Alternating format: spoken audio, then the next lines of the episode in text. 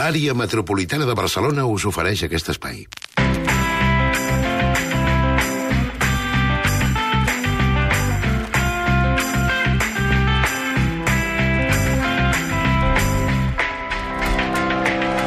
Tres quarts de sis de la tarda, aquest és un programa molt divers, com diu el senador Maldonado, i ara és el moment de fer-nos els bons propòsits. barba, per- Exacte, Maldonado. exacte, sí, sí. Tu Bueno, sí, neteja't sí. el coll una mica, no? Però, És que feia rato, Fora de micro. no, per la Fora mare de de micro. feia rato que no deia res perquè estava escoltant el senyor Maldonado, el teniente segura, i ara he arrencat un altre cop i tenia una mica de pollastre. gràcies per la descripció acurada. Escurada. Exacte. Ara en fem els bons propòsits del cap de setmana amb la Barcon, el Nopca i el L'Envies. Bona tarda. Bravo! L'Envies més conegut com el Chapero aquesta setmana. Opa! Per favor, per Perdona? favor, Arregla ja això comencem mateix, amb la senyor. difamació.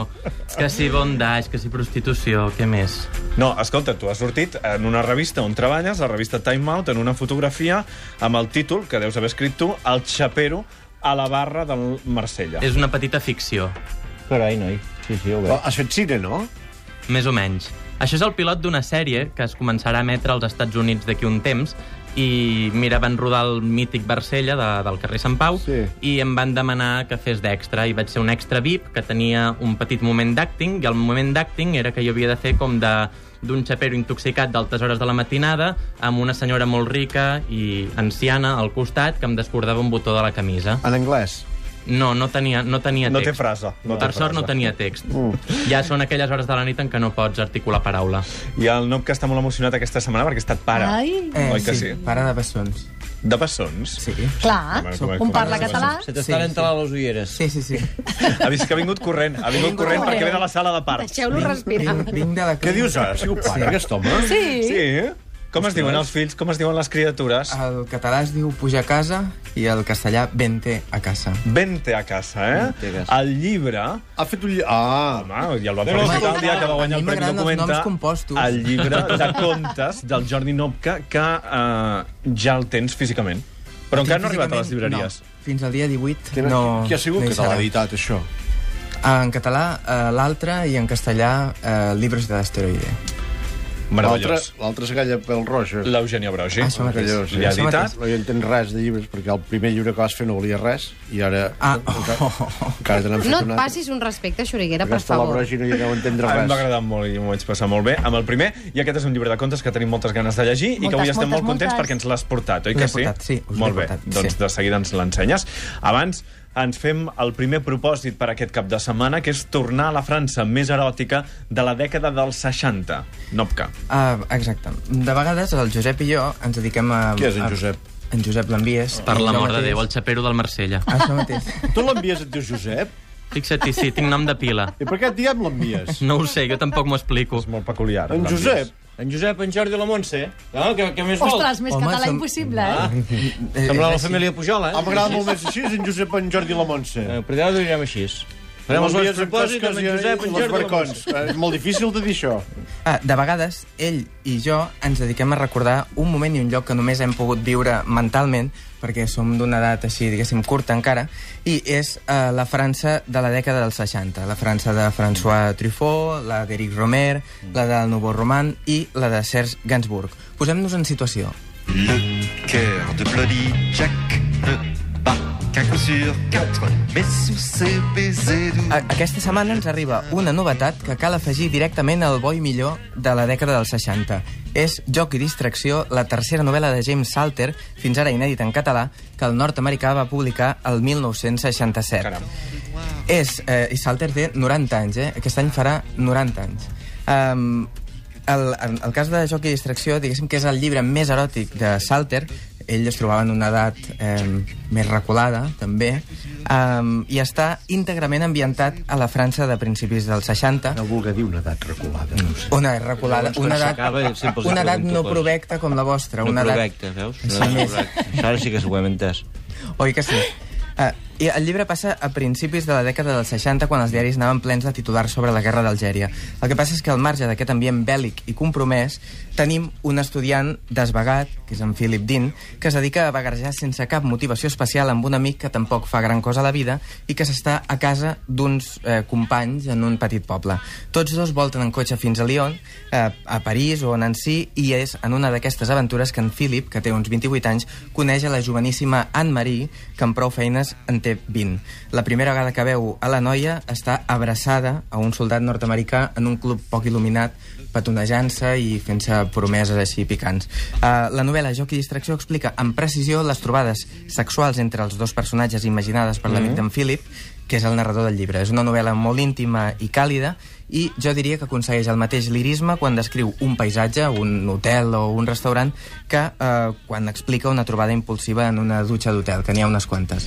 Joc i distracció. James Salter ha estat publicat per l'altre editorial. L'altre. En català. Cabells vermells. Exacte. Sí, sí, la Brogis. L'envia, segon propòsit per aquest cap de setmana, que és veure l'última joia del cinema suec. Sí, senyor, avui us porto una bona cullerada de febre escandinava. Vinga. Pot ser que a tots vosaltres el nom de Ruben Östlund no us soni en absolut, Bueno, però crec sí, que si sou... sí, Sí, sí, mi sí. Ja està, ja han sortit els llestos de torn. Digues. Jo Digues, crec digues. que si sou una miqueta com jo, el dia en què veieu Fuerza Mayor, tindreu Mayor. ganes de tatuar-vos aquest nom en un braç.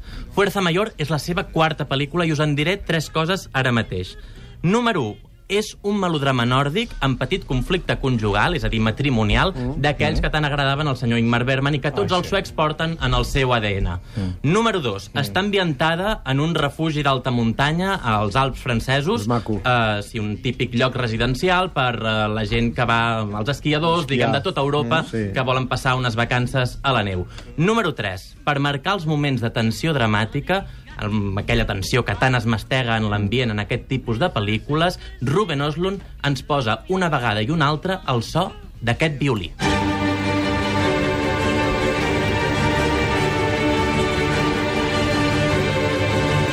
El petit bonus track, ara que ja hem escoltat Vivaldi, un afegitó. M'agradaria descriure-us l'escena que més m'ha impactat, l'escena més prodigiosa d'aquesta pel·lícula, per la qual jo penso que és una total obra mestra.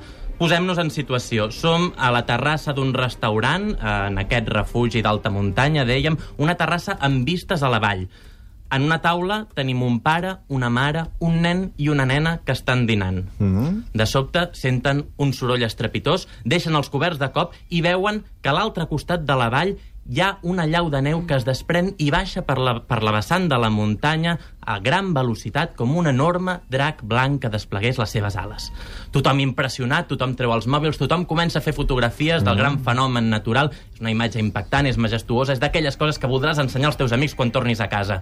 Però mica en mica aquesta llau de neu es va convertint en un immens núvol blanc que puja des de l'abisme, que amenaça amb engolir-lo tot, amb cruspir-se tots els comensals d'aquest restaurant. Clar, crits, corredisses, alarma, la gent esvalutada, tothom molt esbarat, tothom surt corrents, la mare agafa els dos nens d'una revolada, els fica sota la taula per defensar-los, els protegeix amb el seu propi És com un cos. contacontes. Un segon, un segon, un segon, que això no acaba aquí. Però el pare, mentrestant, per allò de salvar el seu propi cul, presa de l'instint de supervivència, marxa corrents, cames, ajudeu-me, No. i deixa enrere la seva família. No. No! No, no, Imatge no. en blanc. Imatge en blanc. Petit spoiler. Ningú no pren mal. Després d'uns pocs segons, el Mal núvol, físic, el dir? núvol blanc desapareix. Era només una miqueta de polsim que venia de, de la llau de neu, d'aquesta esllavissada.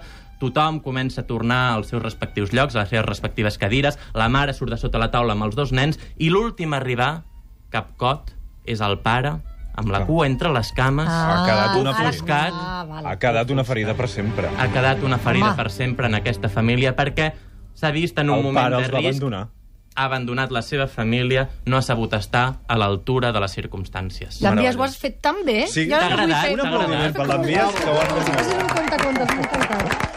Fuerza Mayor de Ruben Östlund, que eh, es va estrenar la setmana passada, que està a les cartelleres, i que a l'Envies l'ha posat el número 1 a la seva llista d'ens agrada de la revista Time Out. Número 1 de la Veig que setmana. aquesta setmana m'heu llegit tots, eh? Home, sí. És que quan he vist això al xapero... Barracón, pròxim propòsit per aquest cap de setmana, recordar que la comèdia és tot un art. Doncs sí, perquè a la Sala Gran del Teatre Nacional de Catalunya s'hi passeja molt elegantment l'art de la comèdia. Un text d'Eduardo de Filippo que protagonitza i dirigeix el gran Lluís Omar. Un home propietari d'un teatret que s'ha cremat visita el nou prefecte per demanar-li suport. Aquest només busca que l'actor l'entretingui i el que rep és una lliçó que no podrà oblidar mai. L'obra es divideix en dues parts. Una és un magnífic i reflexiu diàleg entre Lluís Omar i Joan Carreras, que estan espectaculars tots dos. I a la segona part es passa l'acció i intervenen Victòria Pagès, Manuel de Molins, un brillant Andreu Benito, un exultant Roger Casamajor, entre d'altres. Són dues hores de veritable teatre, de relació entre art i poder, entre ficció i realitat.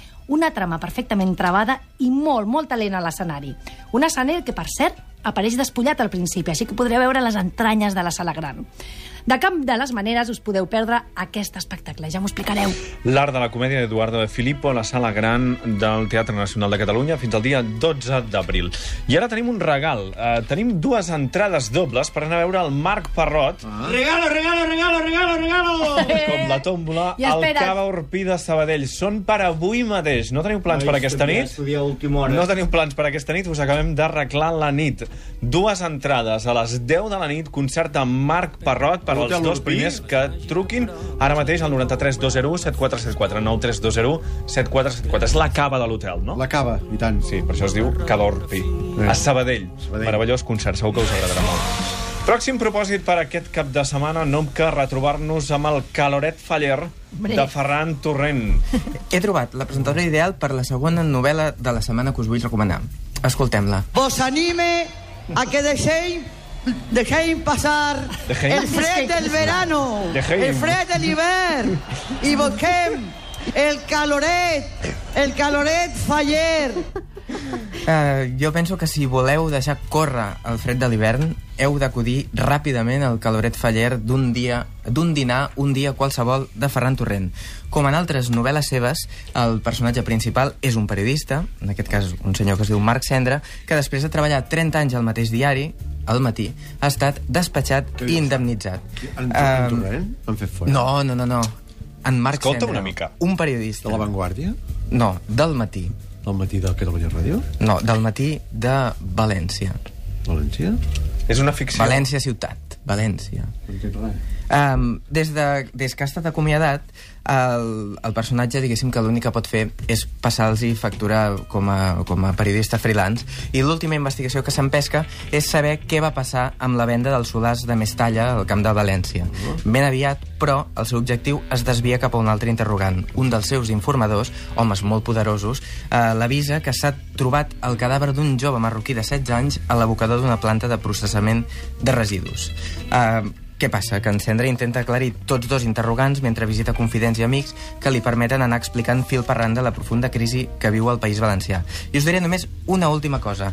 Uh, a la novel·la s'hi pot llegir la corrupció a València no ha estat un modus operandi, sinó un modus vivendi.